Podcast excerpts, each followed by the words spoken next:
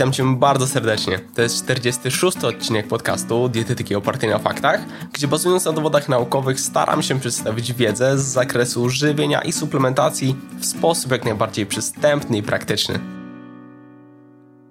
Rynek suplementów diety w Polsce w 2020 roku przekroczy prawdopodobnie wartość 5 miliardów złotych, a jego tempo rozwoju w ostatnich latach szacuje się na 8% rocznie. Idzie więc mu znakomicie, co niekoniecznie idzie w parze, a wręcz posunąłbym się do twierdzenia zdecydowanie nie idzie w parze z wiedzą Polaków na temat suplementów. Pragnę poruszyć dzisiaj bardzo ważny temat, moim zdaniem bardzo ważny temat, a mianowicie lek a suplement. Jaka jest różnica i dlaczego to takie istotne? Być może wielu zaskoczę, ale nie będzie kolorowo, przynajmniej na pewnych polach. Chociaż to może dobrze, bo warto być świadomym. Nie przedłużając, zapraszam do materiału. Zaczynając od kilku słów wstępu, trochę statystyk. Brzmi nudno, ale nie przewijaj, bo to naprawdę ciekawe. Otóż tak duży popyt na suplementy diety nie bierze się znikąd. Czynników jest wiele, ale sporo do powiedzenia mają reklamy. Z danych Krajowej Rady Radiofonii i Telewizji wynika, że od 1997 roku do 2015 roku ogólna liczba reklam wzrosła trzykrotnie, podczas gdy liczba reklam z sektora obejmującego produkty zdrowotne, w tym suplementy i leki, wzrosła prawie dwudziestokrotnie. W 1997 roku przekazy handlowe produktów zdrowotnych i leków stanowiły niespełna 5% wszystkich przekazów, a w 2015 roku już prawie co czwarta reklama miała taką tematykę. Co ciekawe, w radio odsetek ten wyniósł jeszcze więcej, bo ponad 50%. Raport Krajowej Rady Radiofonii i Telewizji z 2015 roku surowo ocenił także jakościowe aspekty reklam suplementów diety, wskazując głównie na ich nierzetelność. Z czego to wynika? By to rzeczowo wyjaśnić potrzeba wprowadzenia. Otóż warto zdać sobie sprawę, jak wygląda proces wprowadzania suplementu diety na polski rynek. To może niektórych zdziwić, ale jedynym wymogiem ze strony przedsiębiorcy jest złożenie powiadomienia do organu nadzoru, którym jest główny inspektor sanitarny. Spełnienie tego warunku, właściwie wyłącznie formalnego warunku, umożliwia sprzedaż zgłoszonego produktu. A więc bez żadnej weryfikacji producent może sprzedawać. Sama procedura weryfikacji powiadomienia, ani nawet, co ciekawe, ewentualne wszczęcie postępowania wyjaśniającego nie wstrzymują jego dystrybucji. Dopóki organ nadzoru nie wyda decyzji o wycofaniu produktu z obrotu lub o zakazie wprowadzenia do obrotu, co jak wykazała kontrola NIK-u, Najwyższej Izby Kontroli, może trwać nawet wiele lat, konsumenci narażeni są na spożywanie produktów zawierających potencjalnie składniki, które mogą zagrozić zdrowiu.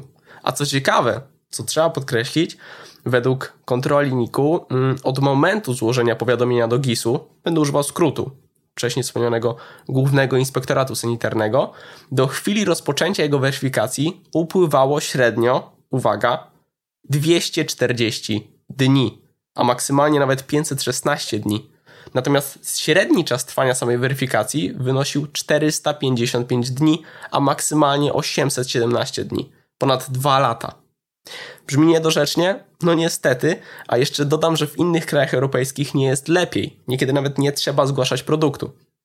Przyczyny takiego stanu w Polsce należy upatrywać głównie w niedostatecznie chroniących konsumentów regulacjach prawnych związanych z wprowadzeniem suplementów do obrotu, ich reklamą oraz nadzorem nad bezpieczeństwem.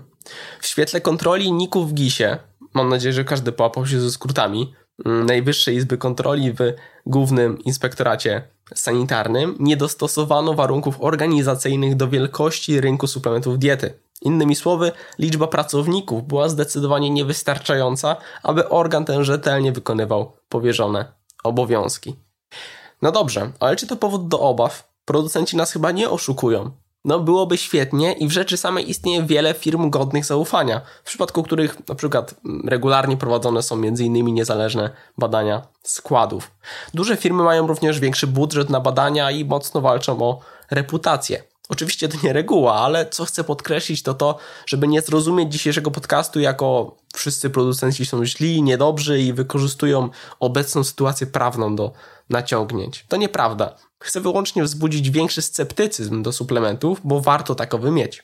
Dlaczego? Już zdradzam dalsze wyniki kontroli NIK-u.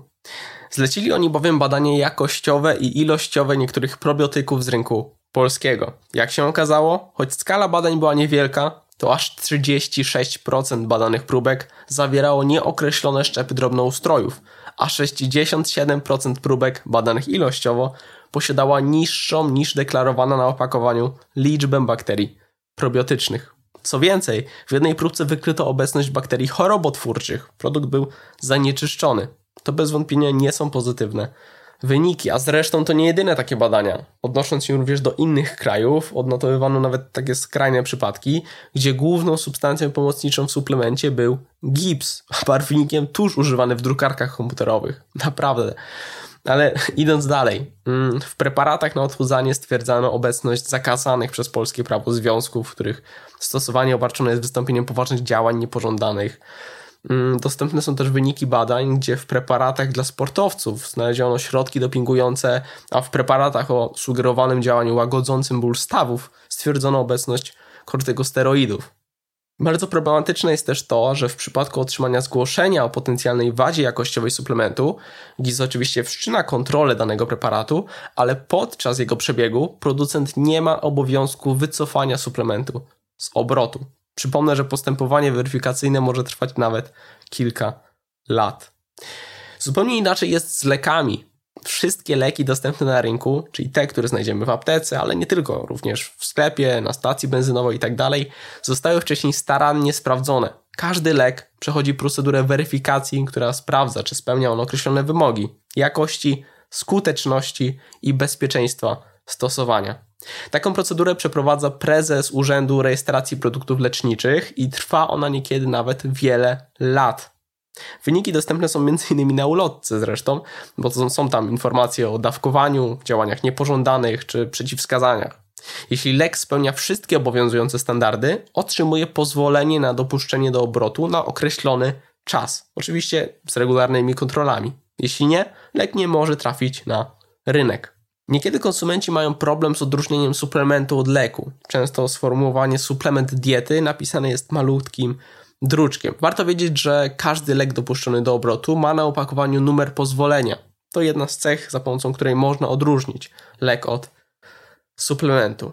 Co jeszcze ważne, o czym zresztą powinienem powiedzieć na samym początku, mm, to główna różnica pomiędzy lekiem a suplementem. Suplement, jak sama nazwa wskazuje, uzupełnia normalną dietę nie leczy, tylko pełni funkcję odżywczą lub wspomagającą prawidłowo funkcjonujący organizm i podlega pod przepisy prawa żywnościowego. Lek natomiast, również jak sama nazwa wskazuje, leczy lub zapobiega chorobom i podlega pod przepisy prawa farmaceutycznego. To bardzo ważne, kluczowe wręcz różnice. I co jeszcze? Istotnym zagadnieniem są również interakcje suplementów diety z produktami leczniczymi, bo niestety pacjenci niejednokrotnie nie przekazują informacji dotyczących przyjmowanych suplementów podczas konsultacji z lekarzem. Wiem, że się tak często zdarza, a może to skutkować wystąpieniem działań niepożądanych czy obniżeniem lub brakiem efektu terapeutycznego. Producenci suplementów diety nie mają obowiązku zamieszczania na opakowaniach informacji o działaniach niepożądanych czy przeciwwskazaniach, a niestety realnie takie interakcje mogą występować. Szczególnie niebezpieczne są interakcje występujące pomiędzy substancjami roślinnymi, będącymi składnikami suplementów diety, a substancjami czynnymi wchodzącymi w skład produktów leczniczych, ale tego nie sposób opisywać w podcaście, bo temat jest niezwykle szeroki. Niemniej branie tonami supli bez realnego uzasadnienia i gdy dodatkowo bierzemy jakieś leki, no może okazać się bardzo nieodpowiedzialne i pragnę to podkreślić. Mm, no dobrze, poruszę jeszcze temat ze wstępu może, mm, a mianowicie reklamy. To aspekt, na który Nick również zwrócił dużą uwagę. Ponieważ suplementy są w zasadzie żywnością, to producenci mogą je reklamować w właściwie dowolny sposób. Oczywiście zgodny z prawem. Nie mogą na przykład sugerować, że suplement ma działanie lecznicze i tym podobne. Wiadomo jednak, jak reklamy wyglądają. Pracuje nad nim sztab ludzi i słowa, wideo czy dźwięki są tak dobrane, by wzbudzić nas określone zachowania czy emocje. Ponadto, nawet przy naciągnięciu tego założenia, co wspomniałem wcześniej, mm, na co zwraca uwagę NIK w kontroli, kary możliwe do nakładania przez organy inspekcji sanitarnej są symboliczne, biorąc pod uwagę wielkość przychodów uzyskiwanych ze sprzedaży suplementów. Wykorzystując tę sytuację, firmy niekiedy zachęcają do kupowania suplementów, stosując przy tym często informacje wprowadzające w błąd. Na szczęście od 2015 roku prezes Urzędu Ochrony Konkurencji i Konsumentów podjął intensywniejsze działania w zakresie zwalczania nieuczciwej reklamy. No dobrze, co chciałem tym podcastem przekazać? Tak podsumowując, suplement to nie lek. Jeżeli chcesz więc kupić na przykład witaminę D, o czym często wspominam zresztą, i masz możliwość zakupu leku zamiast suplementu, to warto wybrać formę leku. Nie jest to konieczne, ale zwyczajnie warto.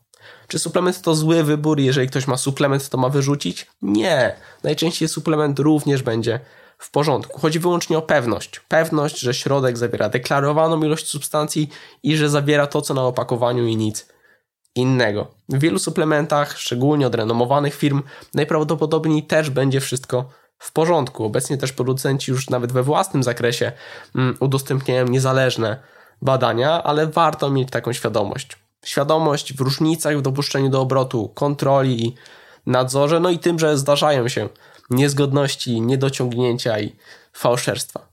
A więc nie zniechęcam, nie generalizuję, bo to ważne, bo są firmy, jak to się potocznie mówi, krzaki, jak i firmy bardzo, bardzo rzetelne. Wyłącznie wzbudzam sceptycyzm. To chciałem tym podcastem osiągnąć. Mam nadzieję, że ten materiał okazał się dla Ciebie wartościowy. Jeżeli tak uważasz i sądzisz też, że warto by inni o tym wiedzieli, bo to ważny temat, to udostępnij proszę podcast, by szedł w świat. Dziękuję Ci serdecznie. To już tyle ode mnie. Do zobaczenia, do usłyszenia już niebawem. Hej!